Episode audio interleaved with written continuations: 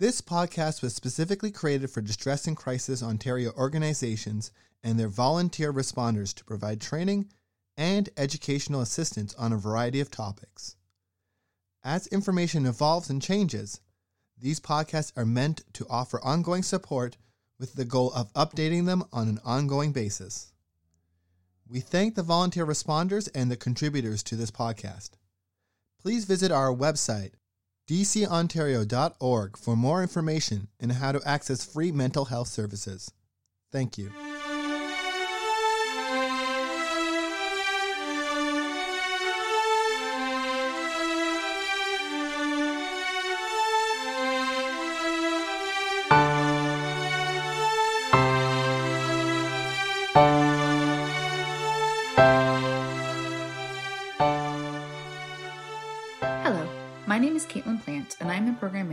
Distress and Crisis Ontario. This episode is being released on Monday, October 9th, 2023, which is Canadian Thanksgiving. We would like to wish everyone a safe and happy long weekend and encourage our listeners to join us in exploring how we can bring awareness to the colonial history of Thanksgiving and recognize Indigenous traditions that preclude the origin of Thanksgiving as we know it. This week, we will be reading an excerpt from an article featured in our October e News and Views newsletter The History of Thanksgiving An Indigenous Perspective, written by Kaleeb Meeks for Pelham Today, as well as sharing some options for practicing gratitude if you are not someone who celebrates Thanksgiving. First, let's read the words of Kaleeb Meeks. Opinions of Thanksgiving differ widely amongst Indigenous people. While there are some that celebrate the modern way, to which has been made apparent has been solely influenced by settler colonialism and Western society, there are still many that are understandably hurt by its history and prefer not to celebrate at all. Kim Wheeler, a Mohawk and Anishinaabe radio host, says, quote, It doesn't mean anything to us anymore. We don't celebrate it. We don't have the big dinner or anything like that. We kind of just joke around and call it the You're Welcome weekend. End quote. Because so much history has been forcefully forgotten and lost, it is understandable why the Indigenous community so highly regards those called knowledge keepers, as they are the only people they have to teach future generations what was so tragically lost, and more, what can still be. When asked what knowledge keepers carry and what they bring to the community, knowledge keeper Nokomis Sindli stated, quote, wisdom of experience and understanding, language, connection to the language and culture, ceremonies, and medicine plants. The knowledge is to be passed by way of mentors, apprentices, and family lineage. All in all, it is a big responsibility. End quote. Aboriginal communities must nurture their Indigenous knowledge in order to preserve it, pass it on to the next generation as they have done down through the centuries, and protect it from misuse by others, says Simon Brascoupé and Howard Mann, authors of A Community Guide to Protecting Indigenous Knowledge, written for the Indian and Northern Affairs of Canada. Quote, a community's Indigenous knowledge can define a community's uniqueness, can underlie its relation to the world, and can tie the past to the future. End quote. Although in the past I, Kaleeb Meeks, have celebrated Thanksgiving with the practices of the European settlers through modern meals of the traditional feast and all the cliched decorations, this year I've gained a deeper understanding beyond what I thought this holiday was. I urge all of us, including myself, to consider educating one another on the traditions of Indigenous people. Consider feasting on traditional foods of Turtle Island, even if it's one dish. Quote, there are many traditional foods. The challenge is where to gather, the knowing of how to gather, and how to prepare some of these traditional foods. End quote. Sindley told me. Some of these foods, according to her, include fish, if caught in the wild, or that of farming, fish that are connected to Turtle Island, such as trout, salmon, catfish, perch, bass, pickerel, or pike. Potatoes, squash, corn, and beans. Cornbread, cherries, strawberries, blueberries, raspberries, blackberries, pears, apples, and wild grapes. Wild game venison, moose, duck, goose, rabbit, or grouse. Walnuts and chestnuts, and dandelions for salads.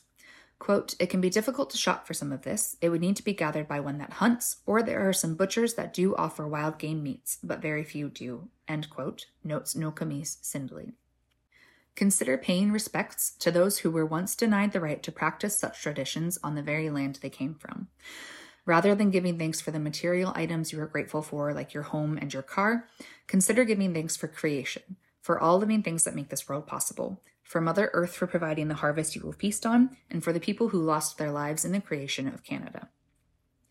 Consider giving thanks for all people, all tribes, all nations, all clans, yourself, your family, and everyone who still struggles today.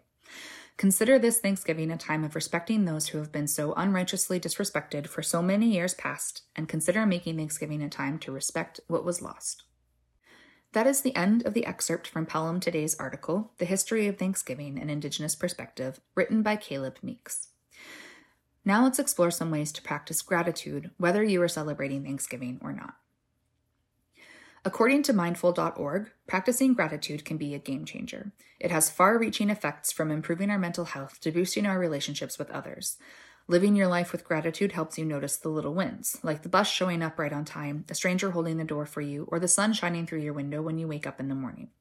Each of these small moments strings together to create a web of well being that, over time, strengthens your ability to notice the good. Building your capacity for gratitude isn't difficult, it just takes practice. The more you can bring your attention to that which you feel grateful for, the more you'll notice to feel grateful for. Here are four ways to train your brain to practice more gratitude. First, take time to notice what's around you. Practicing mindfulness helps you to tune into the present moment. It is possible that if you are a grateful person, you are more mindful of others' gestures. The more often you tune into your awareness, the greater the chances you will notice all the good that's around you to feel gratitude for, which can then bring satisfaction and happiness. Our ability to pick up on the beauty of nature, kindness from one another, the chance to make a living via a job, all require our ability to be cognizant of ourselves and our surroundings. Being mindful of help in the kitchen or the color of the sky allows us to generate gratitude by simply noticing them. Next, practice gratitude for the little things. We often remember to be grateful for big events, like graduating from university or getting married, but it can be more difficult to feel grateful for the small things we do every day. Reminding yourself that eating a meal, for example, is in itself special can be very powerful. Your immediate awareness of the food in front of you, combining flavors while removing hunger, is a great way to enjoy gratitude as often as you eat.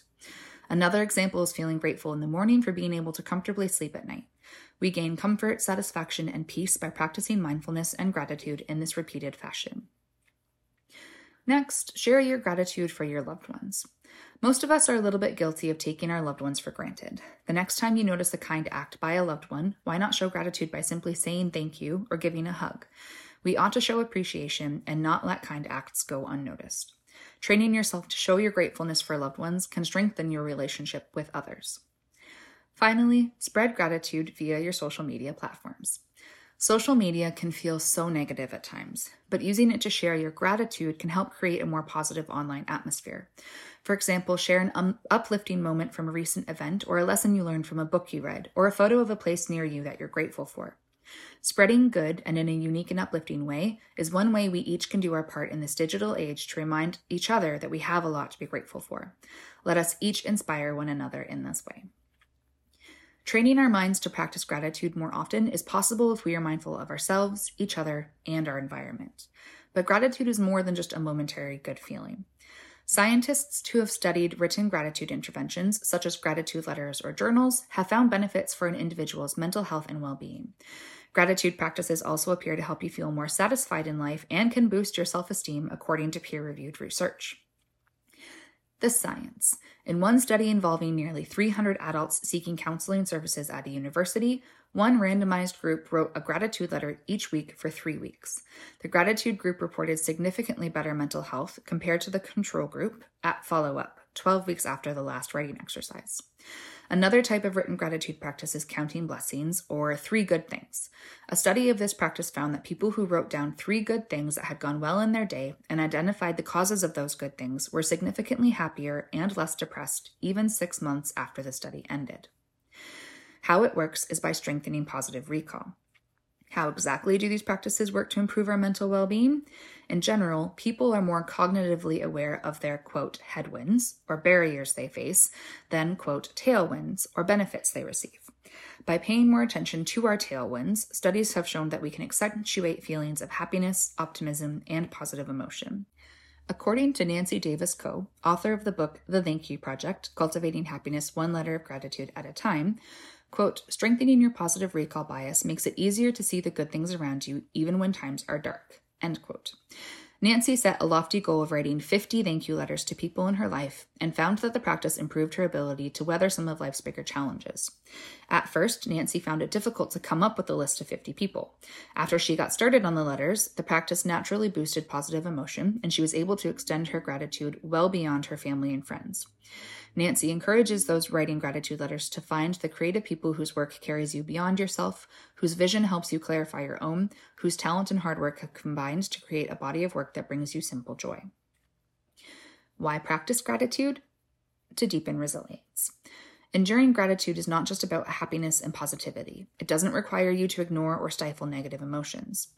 In the book, The Gratitude Project How the Science of Thankfulness Can Rewire Our Brains for Resilience, Optimism, and the Greater Good, Robert Emmons writes that, quote, practicing gratitude magnifies positive feelings more than it reduces negative feelings, end quote.